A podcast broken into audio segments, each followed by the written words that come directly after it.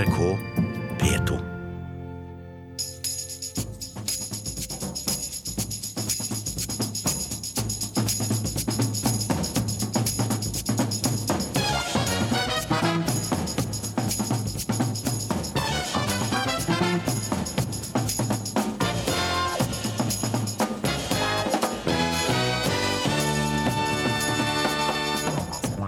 Nok et terrorangrep mot myke mål, denne gangen i en av Stockholms travleste handlegater. Er det i det hele tatt mulig å beskytte seg mot denne typen angrep? Og bokstaven Å fyller 100 år. En litt ung og uerfaren bokstav skal vi tro elevene Ukeslutt har snakket med. Telefonen er litt sånn der eh, nervøs. Tror du Ån er litt nervøs? Ja. Og for mange er dette lyden av påske. Vi skal ta en sniktitt inn i en 30 år gammel påskelabyrint. Velkommen til ukeslutt. Jeg heter Åsa Vartdal. Og vi skal også snakke om radikalisering i norske fengsler. Men først Holy først. Fire mennesker ble drept og 15 ble skadd, ni av dem alvorlig, da en kapret lastebil braste inn i en av Stockholms travleste gater i går ettermiddag. Lastebilen endte inne i eh, butikkfasaden til kjøpesenteret Åhléns, der den begynte å brenne. Eva Lotta Sandberg opplevde det dramatiske angrepet på nært hold, og forteller til NRK at det var fullt av folk i gaten da lastebilen plutselig kom kjørende rett mot dem.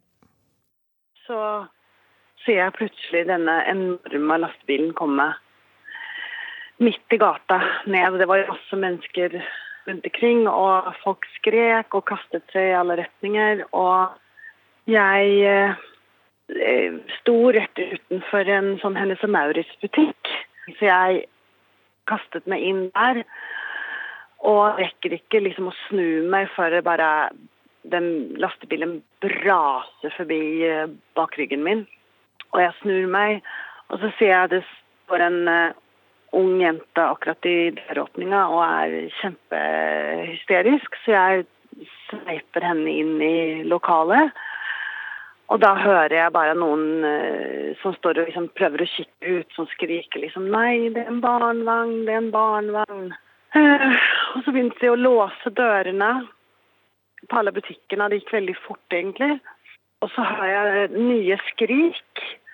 Og så er det noen som skriker 'det brenner, det er en bombe, smeller', eller et eller annet sånt. Så begynner alle menneskene å bare løpe hysterisk opp gata. Og da får alle i butikken beskjed om å gå bort fra vinduene og trekke lenger inn i butikken. Reporter Joakim Reigstad, du er i Stockholm og like ved stedet der eh, det skjedde. Kronprinsesse Victoria og hennes mann har akkurat vært der og lagt ned blomster. Hva sa de om det som har hendt? Ja, hun var jo preget, eh, kronprinsessen og prins Daniel, da de kom eh, hit for eh, litt siden. La ned blomster her. Hun sier jo at dette også kan føre til at svenskene kommer styrket ut av det, fordi at man eh, etter en slik hendelse står eh, sterkere sammen. Og det er jo ikke uvanlig det etter eh, større eh, terrorhandlinger i eh, byer som blir rammet, at eh, det blir et eh, slags eh, samhold i, eh, i byen, og at folk tar litt mer vare på hverandre. Noe vi også ser her i, i Stockholm eh, i disse timene her på lørdag. Ja, for Stockholm sentrum yrer jo vanligvis av liv på denne tiden på en lørdag. Gjør det det i dag også? Det er mye mennesker eh, her, eh, men det yrer ikke av liv på den måten som det ville gjort hvis ikke dette hadde skjedd i går. Trotningegata er jo en travel eh, gågate, en handlegate som vanligvis er full av folk med, som er på lørdagshandel eller ute for å kose seg i, på en fridag. Nå har folk imidlertid kommet hit for å legge ned blomster. Noen har med seg barnetegninger, kort, kosebamser osv. Eh, Mange står helt eh, stille og, og gråter. Andre snakker litt eh, sammen, deler noen tanker og noen følelser om, om det som har skjedd. Mens vi ser på, på takene på, på husene rundt omkring her at det flagges på halv stang i, i hele Stockholm. De sier at det skal være funnet en sprengladning inne i denne lastebilen. Hva vet du om den? Ja, det er eh, meldinger som har kommet om at eh, det er funnet en væske eller en, en gjenstand som kan da inneholde sprengladninger. Dette er eh, informasjon som er svært interessant etterforskningsmessig. Ikke bare kan jo det være en indikasjon på at terrorhandlingen eller angrepet var mer planlagt enn at det var en impulshandling. Og så må man jo da ta dette med dette i, i, i mente. også også se på om, om eh, en antatt gjerningsmann hadde flere eh, medhjelpere, hadde medsammensvorne eller lignende. Eh, det er en del av politietterforskningen som, som nå vil, vil, pågå. Og det at man finner en sprengladning kan altså indikere, kanskje da, uten at vi skal trekke de konklusjonene med en gang, men, men indikere at kanskje flere har vært involvert, eller at det i hvert fall ikke var en impulshandling som ble utført i går. Ja, Denne mannen som er pågrepet og siktet for terroren, vet vi noe mer om han nå? Vi vet en del. Eh, nå skal det sies at svensk politi eh, er svært tilbakeholdne med, med informasjon om gjerningspersonen. De, de sier f.eks. ingenting om eh, hans religiøse bakgrunn, eller ei heller så mye hans etnisitet. Det er helt vanlig i Sverige. De er veldig forsiktige med å identifisere mennesker på, med de parametrene. Men det vi vet, det er at han er 39 år gammel. Han skal være fra Usbekistan Usbekistan. Om han var svensk statsborger eller usbekisk statsborger, det er eh, ikke eh, kjent. Han var familiefar, hadde fire barn. Men det som er mer oppsiktsvekkende, er at han har delt en del eh, videoer med IS-propagandavideoer altså IS på, på internett, bl.a. Mm. Svensk politi sier nå at de skal ha en pressekonferanse halv to, så da får vi sannsynligvis vite mer om både ofrene og gjerningsmannen. Tusen takk til deg, reporter Joakim Reigstad. Vi skal til deg, Jonna Sima. Du er lederskribent i den svenske avisen Aftonbladet. Eh, hva gjør denne terrorhandlingen med svenskene? Ja, fortfarande så her dagen etter så er mennesker fortfarande nesten i sjokk. Eller man er skak skakade eh, og lesne. Eh, og hva det kommer å gjøre med det svenske samfunnet i lengden, det vet vi jo ikke ennå. Men hva vi vet, er at Eh, det sterke svenske samhället har klarat av en sånn her attack. Eh, har skött sig utmärkt, det vittnar de flesta om. Eh, de var snabbt på plats och eh, de har nu gripit en person och sådär. Så att, eh, och, och sen så även inom vården så var var det mange inom eh, sjukvården som strømmet til sine arbeidsplasser og ville hjelpe til i går. så jeg eh, tror at mange svensker ändå ikke har drabbats av den panik som et sånt her dåd skulle kunnet utløse i et annet samhälle. Mm. Vi hører jo om, om, samhold blant svenskene, men det er jo også noen som leter etter noen å hate etter et sånt angrep. Når vi hører at han muligens har bakgrunn fra Usbekistan, eh, denne siktede mannen, klarer da folk å ikke rette hatet mot Sveriges mange innvandrere? Eh, man får jo håpe på det. Eh, det kommer sikkert finnes mennesker som vil eksploatere en sånn her hendelse. Och därför tycker jag att det har varit väldigt eh, positivt att många, alla partiledare till exempel och, och eh, andra personer som har uttalat sig i media har varit väldigt noga med att säga att det här handlar ju ofta om, om ensamma såna här ensamvargar eh, och galningar som har låtit sig influeras av andra eftersom vi har sett liknande dåd i, i flera europeiska huvudstäder. Eh, så att, att man ändå får hålla två tankar i huvudet samtidigt. Att det handlar om, det är inte om eh, etnicitet och så vidare alltid, eller religion, utan det är ofta ensamma galningar eller, eller om det är eh, mindre grupper så där, som har radikaliserats av den ändå, eh, som vi vet. Det finns ju stora problem med eh, jihadism och eh, fundamentalism verden. Ja, for det skjedde jo et selvmordsangrep like ved dette stedet i 2010. Var svenskene på noen måte forberedt på dette, hvis det går an å være forberedt på noe sånt? Nei, det går jo ikke å være forberedt. Det, det er helt umulig ved sånne her vansinnesdåd. Men jeg tror ändå eh, det, det kom ikke som den store sjokk. Även om vi chockade så det, har vi vært med om noe lignende tidigare. Jag tänker det som du nämner då 2010 när det var en självmordsbombare som misslyckades med sitt, sin föresats att bomba sig själv också nära Drottninggatan. Mm. Eh, det blev att han bara, eh, som tur var, bombade sig själv. Eh, och sen har vi också haft en statsminister som har mördats på öppen gata. Vi har haft en utrikesminister som har mördats.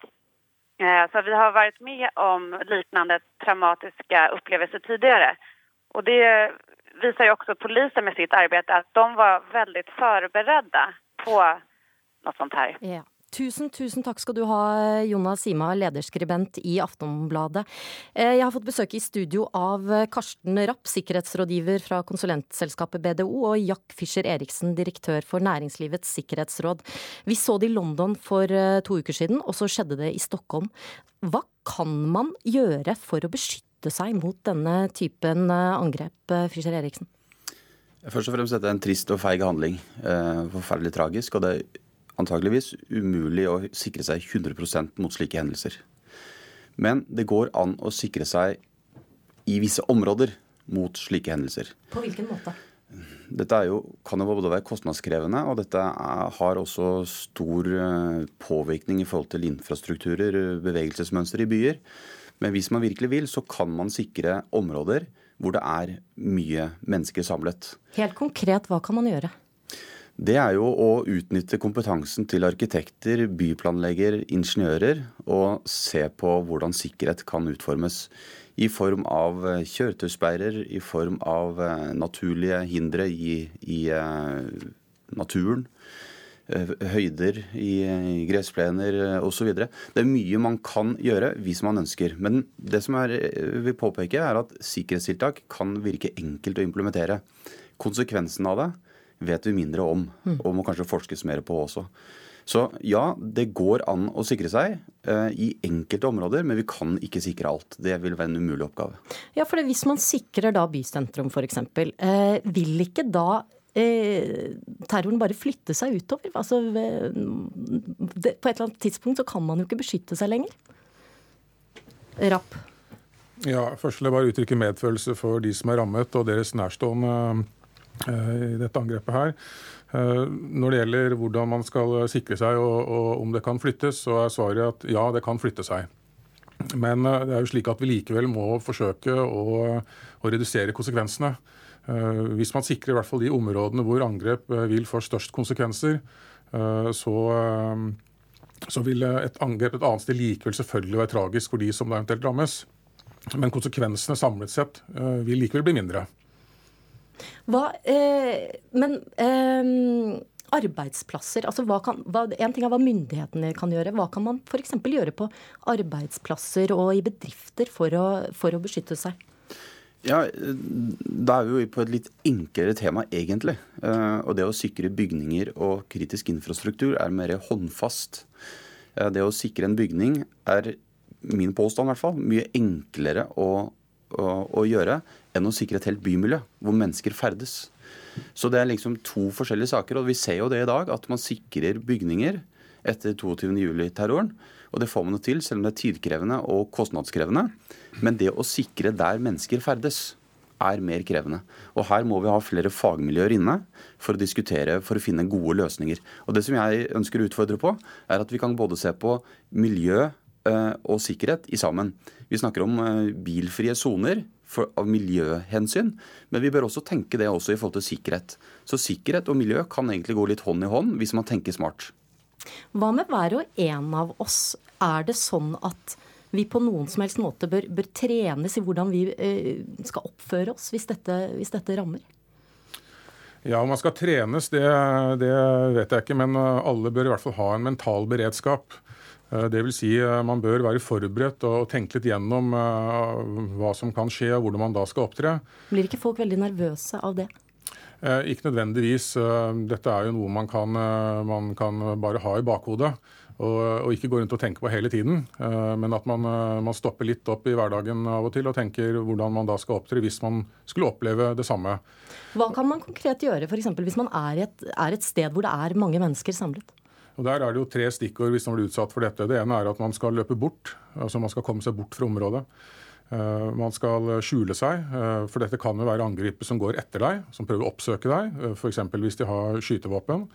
Og Det tredje er at man skal varsle. Man skal varsle andre, man skal ta vare på andre som ikke kan ta vare på seg selv. Det kan være barn eksempel, eller andre rundt seg som ikke helt har forstått hva som er i ferd med å skje. Eh, rent praktisk også, eh, sett mobiltelefonen på stille. Det er greit å få meldinger inn, men ikke slik at, eh, at, de som er rundt og prøver å finne deg, også hører det. Det har man jo sett på en del andre angrep, at det kan være nyttige tiltak å, å gjøre. Og, og, dette er jo ikke noe den enkelte nødvendigvis skal ha en egen øvelse på hver for seg.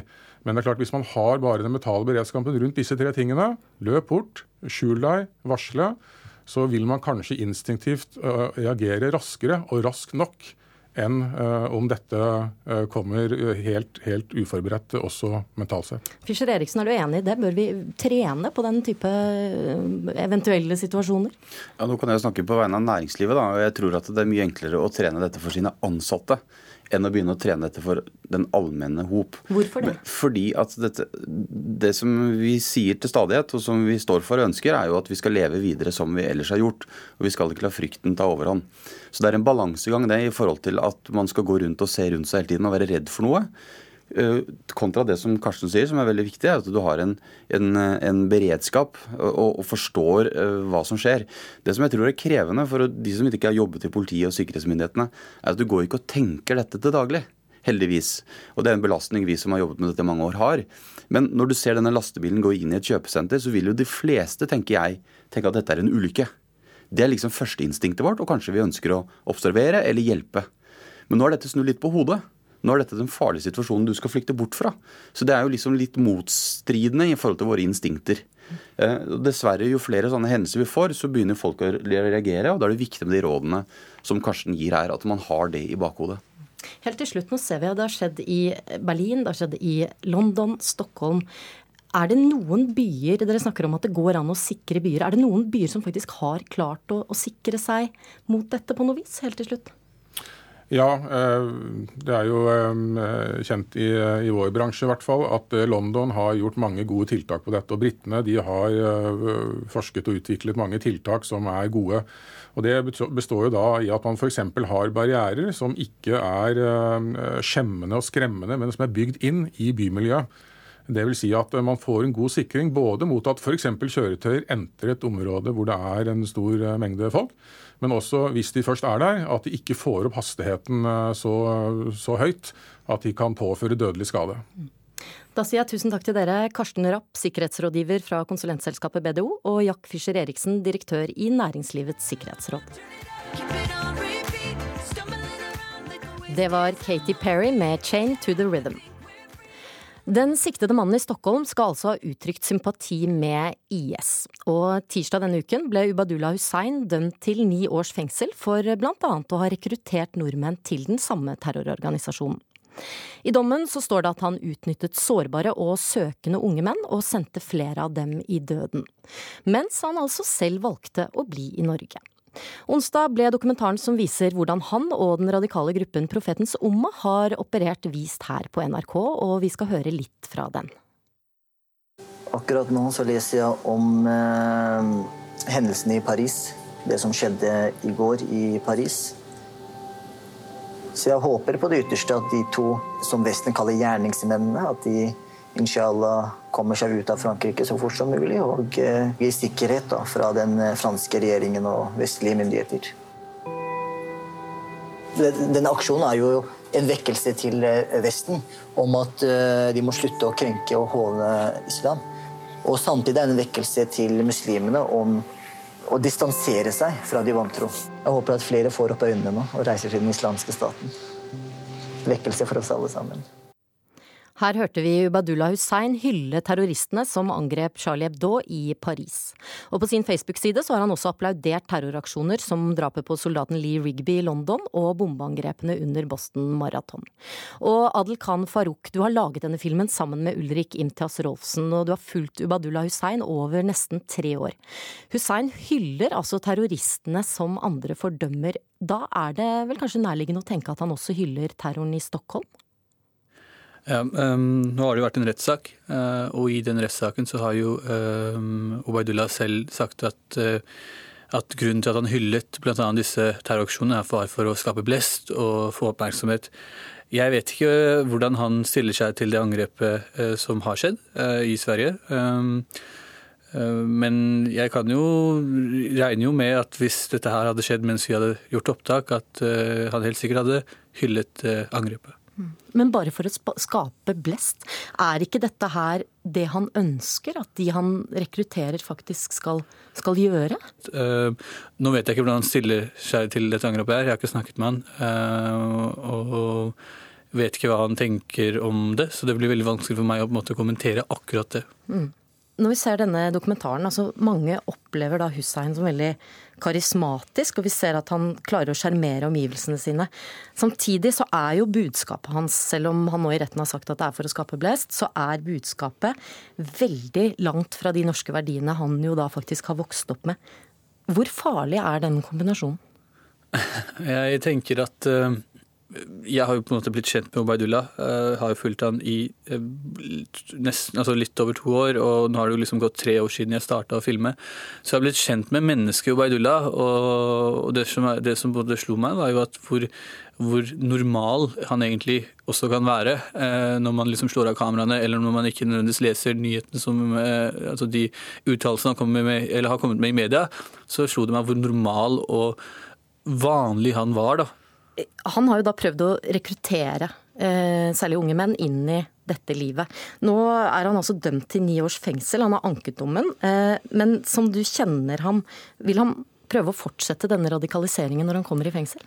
Eh, det blir umulig for meg å si om han kan rekruttere noen eller i, i fengselet. Det blir veldig vanskelig for meg å kommentere. Marianne Vollan, du er eh, direktør for kriminalomsorgen.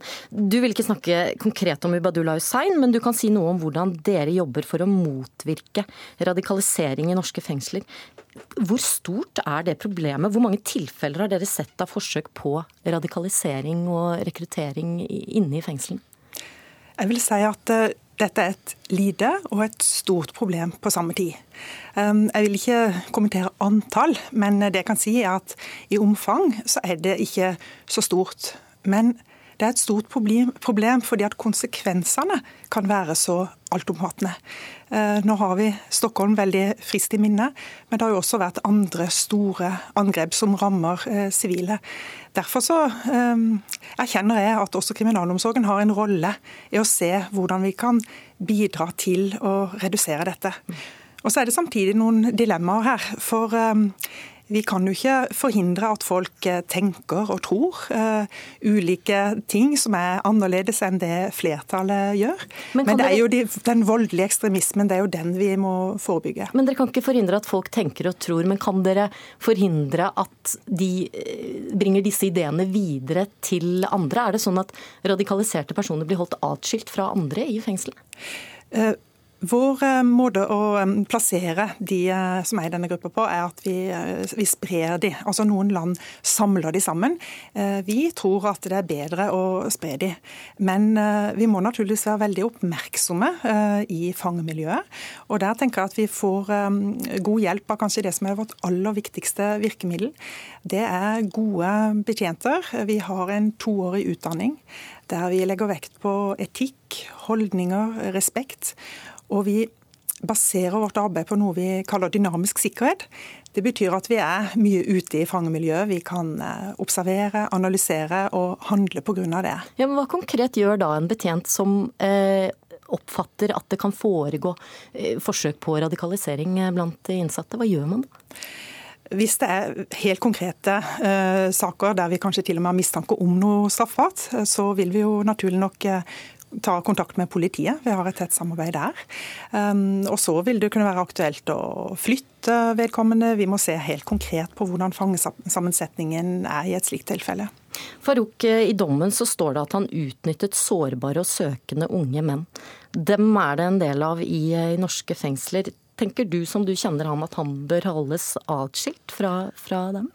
Jeg tenker at kriminalomsorgen eh, eh, altså, har erfaring med disse tingene bedre enn det jeg har. Eh, men jeg er jo klar over at i, i fengselet så sitter det uh, unge menn og, som fortsatt eh, prøver å finne seg selv, som kanskje har havnet på skråplanet og som på en måte trenger en hjelpende hånd. og da er det jo kanskje lett for disse sårbare sjelene å og bli hva skal jeg si, få anerkjennelsen som de kanskje ikke har fått, den varmen som de ikke kan, kanskje har fått i, i det, utenfor murene. At det kanskje blir mer Eh, at man får den varmen eh, fra noen i fengselet som tilbyr seg da, å gi dem en, en klem eller eh, noen form for komplimenter eller anerkjennelse, tenker jeg.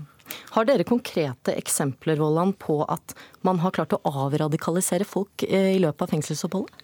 Det blir jo en sånn, det blir et veldig vanskelig spørsmål, for man vet ikke helt hva alternativet alltid ville vært. Men det jeg kan si er at i tillegg til dette grunnleggende dag-til-dag-arbeidet som jeg snakker om, så har vi noen spesifikke tiltak. Eh, og Et av de er en såkalt mentorordning, eh, som nettopp er mynta på å gripe fatt i de som kan være sårbare for å bli radikalisert. Og der man da har en mentor som følger vedkommende, og der det blir eh, stilt spørsmål, og der siktemålet er å få en Eh, bedre forståelse av den normdannelsen vi har i, i storsamfunnet. Så jeg har tro på, eller iallfall håp om, at det kan eh, bidra til eh, å løse dette. Jeg har jo selv skrevet saker om ungdommer som på en måte har på en måte kommet i kontakt med terrordømte. Men at har, har, da har kriminalomsorgen gjort en god jobb. Da har man sett det ganske tidlig og liksom atskilt dem. Men nå tenker jeg også at det har jo kommet frem at det er altså veldig få eh, fengselsbetjenter på antallet uh, innsatte. Volland, det må du få svare på. Har dere nok folk til å passe på dette? Ja, altså Man får vel aldri en direktør til å si at man ikke kunne hatt behov for enda flere ansatte. Men det er grunn til å peke på at vi har god bemanning. Altså Sammenligner vi med andre land, så er vi helt verdensledende. Så jeg mener at den måten vi jobber på, og med det grunnlaget våre ansatte har, så, så er vi godt rusta. Helt til slutt, Farouk. Tror du ni år i fengsel vil avradikalisere Ubadullah Hussein på en sånn måte at han ikke hyller terroraksjoner som den vi, vi så i Stockholm? Jeg vet ikke hvor Ubaydullah kommer til å være om ni år, eller hva han kommer til å tenke om ni år. Men jeg tenker jo at uh, hvis jeg hadde havnet bak murene, uh, så hadde jeg jo på en måte prøvd å ikke havne bak murene igjen, da. Ubadullah Hussein har anket dommen, og en 20-åring som Hussein ble funnet skyldig og vervet, ble dømt til to år og ti måneders fengsel. Takk til dere, journalist Adil Khan Farouk og direktør i Kriminalomsorgen, Marianne Vollan. Vi skal høre Melkeveien og Frida Åndevik med Sove på det.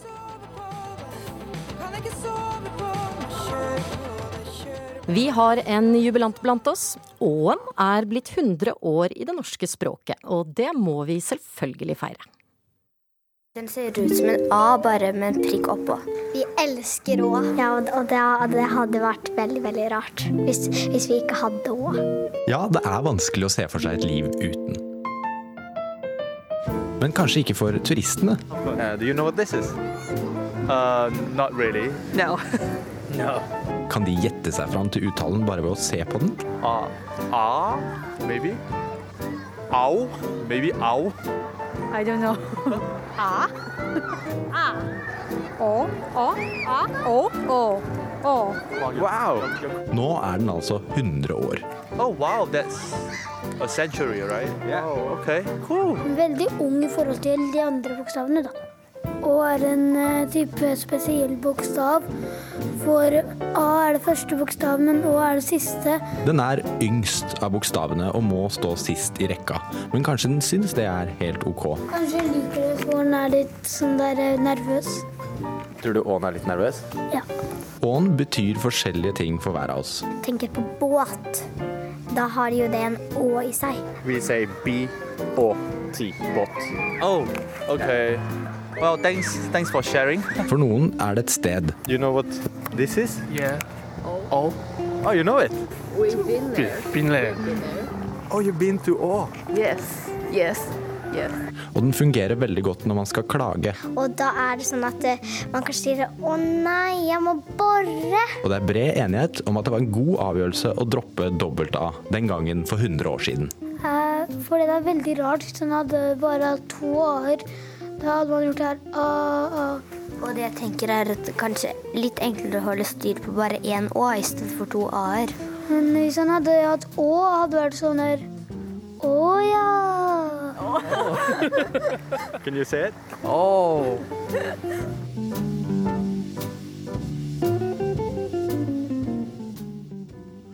Åse Vetås, direktør i Språkrådet. Du har to år i navnet ditt, så dette er virkelig ditt år. Og litt mitt, da, selv om jeg bare har én Å i Åsa. Har vi grunn til å feire? Ja, det syns jeg absolutt vi har. Altså 100-årsjubileum for uh, en bokstav som uh, det stort sett bare er vi her i Skandinavia som bruker, det er grunn til å feire. Men altså frem til 1917 så skrev man da altså Å med to a-er. Men så var det svenskene som fikk oss på andre tanker. Hvordan, hvorfor fant man ut at det var nødvendig å gå bort fra de to a-ene og gå over til den svenske å-en? Altså, Svenskene hadde jo vært veldig tidlig ute med dette. Allerede fra 1500-tallet av så ser vi og brukt i svenske tekster. Utover 1800-tallet så kom der er sterke bølger av skandinavisme, altså sterk interesse for eh, den skandinaviske kulturen. Og da var det en del i Norge som begynte å bruke åen. Henrik Ibsen var del av dette, Knut Knutsen, bokmålets far, veldig tidlig med å ta i bruk åen. Men så så vi jo framover at uh, det var gode grunner, og praktiske, til å ha denne åen. F.eks. så uh, oppsto det ganske mange tilfeller av tre a-er på rad. Da er det vanskelig for brukerne å lese, og det er vanskelig for brukerne å tolke hvilke to skal, som skal dras sammen til Å, og hvilken som da skal leses som A. Så det er veldig sterke praktiske grunner til at dette var en god idé. Men altså, eh, min farmor hun var faktisk født i 1917, så hun er like gammel som Aaen. Hun ville vært 100, 100, år nå for noen uker siden. Eh, hun var veldig, hun het Åsta, og jeg er oppkalt etter henne. Hun var veldig nøye med at navnet hennes skulle staves med to a-er. Eh, hun ville gjerne at mitt også skulle staves på den måten. Hun ble nesten fornærmet hvis noen skrev det med å. Var det en, var det en smertefull overgang for eh, folk den gangen? Nei, jeg tror ikke det var så veldig smertefullt. Men eh, det er jo sånn at eh, det skriftbildet vi har i navnet vårt, det har vi et veldig sterkt forhold til. Så alle de som da har enten en Å eller to A-er i, i, navnet sitt, eh, Åsta og Håkon og uh, alle de som har den type navn, de vil nok ha et veldig sterkt ønske om hva slags måte navnet skal skrives på. Og personnavn er jo en sak helt for seg. Men i det vanlige prosaspråket så skjedde overgangen relativt smertefritt. Noen tok i bruk åen tidlig, andre nølte lenger. Aftenposten gikk ikke over før i 1928, og det var ikke før på 1930-tallet det kom påbud om at åen skulle brukes. Den er jo fin, åen, men det er ikke veldig praktisk når du er i, i utlandet. Eh, jeg studerte i Skottland, og da ble jeg veldig fort ASA, eller ASA. Og i et samfunn som blir stadig mer internasjonalt, så, så er det det ikke så veldig, ikke så veldig praktisk eller lurt med disse særbokstavene æ, ø og å, da? Nei, av noen grunner så er det kanskje litt upraktisk. Av andre grunner kan det være kjekt. F.eks. så tipper jeg at du, da du var i Skottland, eh, kunne innlede ganske mange samtaler med utgangspunkt i hva er nå dette egentlig slags navn, og hvordan skal jeg uttale denne bokstaven. Jeg opplever òg det når jeg eh, tar med meg mine åer ut i verden, at eh, det kan være en slags samtaleåpner. Og så er det jo sånn at folk flest der ute har veldig positive holdninger til Skandinavia, og de forbinder Skandinavia med veldig mange bra ting. Så her skiller vi oss kanskje ut på en måte som stort sett får positiv oppmerksomhet.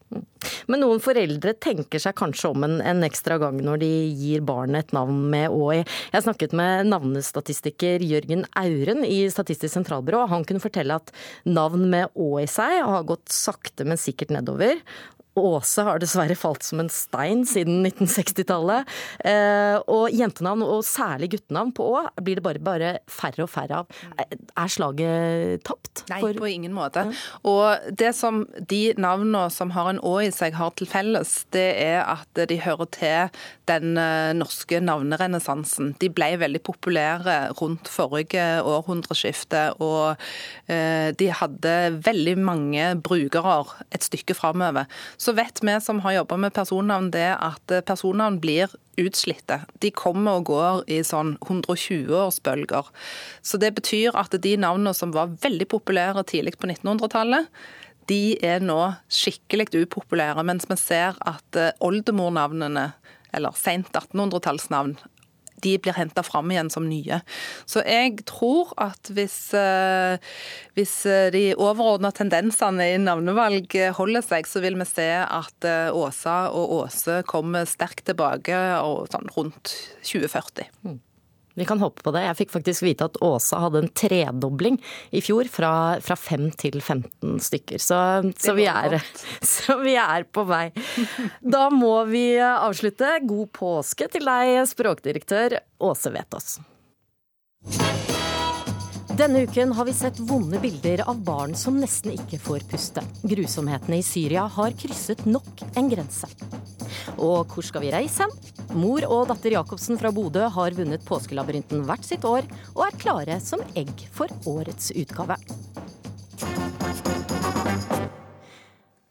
Denne uken har vi sett bilder av barn og voksne som strever med å puste, eller som er døde etter, etter at et luftangrep rammet den opprørskontrollerte byen Khan Sheikhoun i provinsen Idlib nordvest i Syria tidlig tirsdag morgen.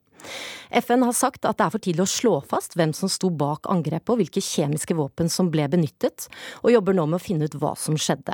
USA har allerede lagt ansvaret på regimet til president Bashar al-Assad, og sendte natt til fredag raketter mot en militær flyplass i Syria, der bombeflyene trolig kom fra. Og bildene av lidende barn er så vonde at mange rett og slett ikke orker å se på dem, men eh, dette er lidelser du ser på nært hold hele tiden. Elisabeth Hoff, du er leder for Verdens helseorganisasjon i Syria, og du er på vei tilbake til hovedstaden i Damaskus etter et oppdrag ute i landet. Hvordan reagerer du på det som har skjedd? Nei, altså Det er jo veldig sterkt for oss. Da, men Jeg har jo vært i Syria i snart fem år. Men jeg må si at kjemiske angrep det er eh, noe av det verste. Sammen med brannskade, og spesielt når barn er rammet, så virker det veldig dypt på meg. Og det også har en veldig sterk effekt på det syriske folket. Altså Dette har de veldig mye aversjon mot og tåler lite av. altså. Mm. Men dette er ikke noe dere har vært helt uforberedt på? Nei, det er helt uh, riktig. Vi har helt siden 2013 satt opp store beredskap. Og allerede når de begynte å transportere ut alle de kjemiske våpnene, når det kom en avtale om det, så trente vi opp helsepersonell langs ruta ut til havna i Latakia. Så da trente vi opp leger og sykepleiere i tolv sykehus men dessverre så i Idlib har det vært mindre av det. Men de har i det siste trent opp 60 leger også i det området. Så det nå var uh, rapportert et kjemisk angrep. Men saken er den at uh, det er lite personlig uh, beskyttelsesutstyr for helsepersonell. Og det er også veldig få og svakt helseapparat etter at det har vært langvarige krigshandlinger. Mm. Nå er det dessverre sånn at Syria er det landet som har hatt det høyeste angrepet siden 2014 da, på sykehus. Så 50% av sykehusene i landet eh, er enten ute av drift eller bare fungerer delvis. Så situasjonen generelt er veldig prekær når det gjelder helse. Mm. Dere sier dere har lært opp helsepersonell i, i, denne type situasjoner. Hva må de konkret gjøre når folk blir truffet uh, av denne gassen? Det viktigste av alt det er å forberede seg på at når det er noe sånt som kommer inn, så er det å få av klærne og vaske pasientene med vann og såpe. og Da kan en redusere med 70-90% den negative og farlige effekten da, som det kjemiske middelet har.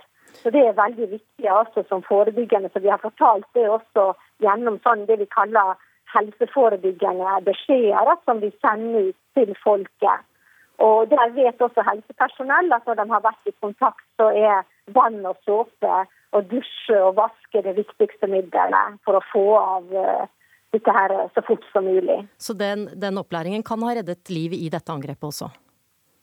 Absolutt. Altså, som jeg sa, så kan det redusere 70-90 eh, av den negative effekten. altså. Mm. Da skal vi til deg, Mats Harlem. Du er leder av folkerettsseksjonen i Røde Kors. Man snakker om at man nå har krysset en grense. Samtidig så har vi sett helt forferdelige ting i Syria mange, i mange år. Eh, har man ikke gått over den grensen for veldig lenge siden? Jo, det har man jo selvfølgelig gjort. Eh, men det er ingen tvil om at eh, hvis det er slik nå at man har altså brukt kjemiske våpen, uansett hvem som står bak dette her, så er dette alvorlig. Det å bruke kjemiske våpen er forbudt. Det er en krigsforbrytelse, og dette skal straffeforfølges. Men dere har altså lagt ut en melding på Facebook som er blitt delt, mm. delt mye i det siste. Der står det det er strengt forbudt å bruke kjemiske våpen overalt, uansett, alltid. Det er en tydelig melding, men fortsatt er det noen som ikke skjønner det. Ja, og det er derfor dette er helt avgjørende nå at blir eh, etterforsket, funnet ut av hvem som står bak dette her, og at de ansvarlige stilles til ansvar for dette. Det er jo slik at uh, Syria tiltrådte denne konvensjonen som forbyr dette i 2013. Da skulle man jo ha avskaffet og fjernet uh, disse forferdelige våpnene. Som hva som nå har skjedd, hvorfor dette fremdeles nå foregår, er skremmende og er noe som vi også i Røde Kors selvfølgelig tar på største alvor.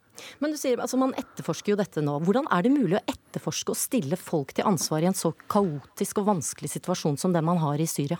Nei, Det er ingen tvil om selvfølgelig at det er krevende nå, siden det er fremdeles en, en konflikt, altså borgerkrig, som nå foregår i, i, Syria. Og det å få etterforsket da har selvfølgelig store utfordringer. Men det er mulig. Derfor hadde vi jo ønsket selvfølgelig nå å få en robust sikkerhetsresolusjon som ga tilgang for inspektører for å etterforske dette her. Eh, men selvfølgelig det vi også erfarer her, er jo at når en gang krigen tar slutt, så skal det skje et rettsoppgjør. Det skal skje undersøkelse av hva som har skjedd der. Og da tenker jeg det er helt avgjørende nå at man tar sterkt avstand fra dette her. Og de fredsforhandlinger som nå pågår, er det viktig at man ikke selvfølgelig gir immunitet for krigsforbrytelser. Det er ikke lov etter folkeretten. Dette skal eh, straffeforfølges. Helt til slutt, Elisabeth Hoff, eh, som du ser det fra innsiden, er det mulig som situasjonen er nå å få stilt folk til ansvar og få stoppet dette? Gjerne om akkurat sånn som kom ut fra Røde Kors, tror jeg er veldig viktig. Altså, at eh, disse her kommer opp, og at det blir sagt gjentatte ganger at de vil bli stilt til ansvar. For det er eneste måten å også kunne få slutt på det. Men det som er helt klart, er at det er ikke noen militær løsning på denne konflikten. Det er kun en politisk eh, løsning. Så det viktigste er å få partene sammen til å forhandle og komme frem til en politisk løsning på konflikten. Det har vært nok av militære aktiviteter. En kommer ingen vei med det. Da sier jeg tusen takk til dere. Dere gjør en utrolig viktig jobb, Elisabeth Hoff og Mats Harlem.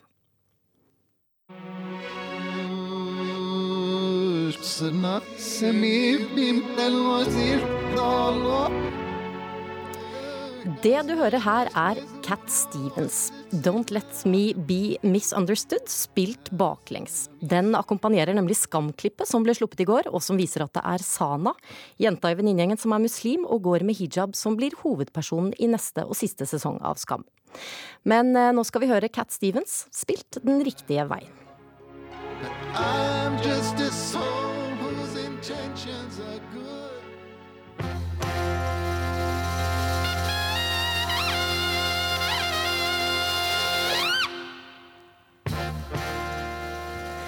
Dette er lyden av påske for veldig mange.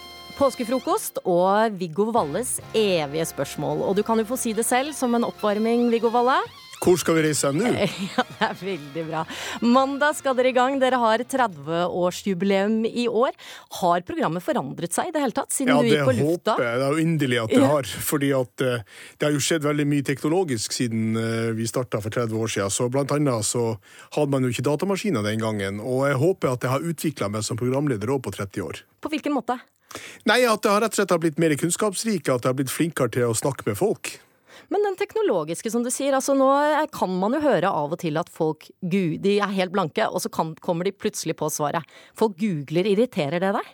Ja, til en viss grad så gjør det jo det, fordi det blir dårlig radio av det. Og jeg vet at mange lyttere irriterer seg over det, og da påvirker det meg som programleder òg. Men vi har jo gjort en del programutvikling de seneste seks-sju årene for å forhindre at folk skal kun google. Så det er en utfordring for meg, etter å ha laga over 2000 oppgaver, at jeg lager oppgaver som det er ikke så lett å google. Mm. Hvem er den typiske påskelabyrintinneren? Ja, det er jo eh, i hvert fall en som har eh, røtter i eller tilknytning til Nord-Norge. Sju av eh, de 30 som har vunnet Påskeabyrinten, har jo faktisk tilknytning til Nordland fylke. Og det er da stikkord til dere, Lisbeth Jacobsen og Kristin Jacobsen. Eh, Dere sitter i Bodø, og dere har tatt på dere påskejaktdraktene. For dere har altså vunnet Påskelabyrinten hvert deres år. Først til deg, Lisbeth Jacobsen. Du vant labyrinten i 2007. Hvorfor er det så veldig stas med Viggos eh, pås påskelabyrint? Nei, si det. Det er ikke påske uten eh, påskelabyrinten. Nei, jeg vet ikke. Jeg, det er vel det at programformen og eh, Hvis man er interessert i historie og ja, i det hele tatt, så, så, eh, så er det vel det som gjør at man er så interessert. Jeg vet ikke. Hvordan er en typisk eh, frokost hos familien Jacobsen i, i påskeuken? Ja, det er jo frokost, eh, og så er det Når frokosten er ferdig, så er det, skal det være stille i, i, si, i studio i, eh, i stua, så skal man høre på Påskelabyrinten før man eventuelt tar seg en skitur tur eller en tur ut. Datter Kristin Jacobsen, du vant da to år før moren din i 2005. Blir det konkurranse mellom deg og moren din om hvem som klarer oppgavene hvert år? Nei, vi prøver jo å gjøre det i lag. Det var jo sånn det var da, både i 2005 og 2007, at vi gjorde det. Det, her, det er en familiegreie som vi gjør sammen. For vi kan hver vår ting. Um, den gang da så, så levde jo han pappa, og, og han var jo en utrolig kunnskapsrik mann, både på historie- og geografifronten. og han eh, men han var ikke så glad i å være med på radio sjøl, så det var vi som liksom ble sendt ut da, eh, i, i, som den utskremte medarbeider, holdt på å si. Men, eh, men eh, vi kan eh, ja, vi kan egentlig forskjellig allmennkunnskap alle sammen. Sånn at eh, vi utfyller hverandre. Som erfarne påskelabyrintere, er det av og til sånn at dere blir veldig frustrert over innringere som ikke har peiling? Eh, det blir mer sånn der Å, det er jo, det er jo Du sitter liksom på, på anker og har lyst til å, svare, å hjelpe dem å svare. Eh, så det kan bli litt eh, Noen ganger hvis du har svaret der med en gang, så kan du bli litt utålmodig da.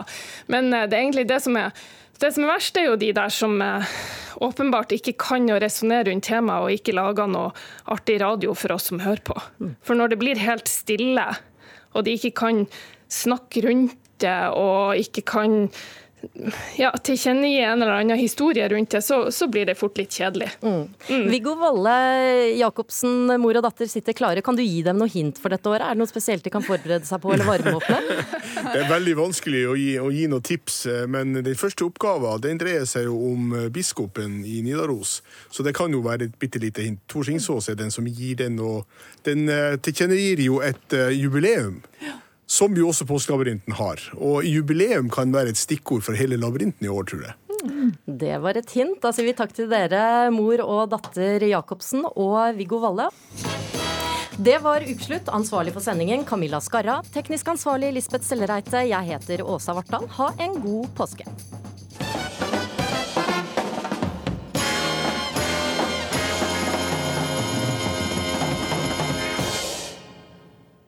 Hør flere podkaster på nrk.no podkast.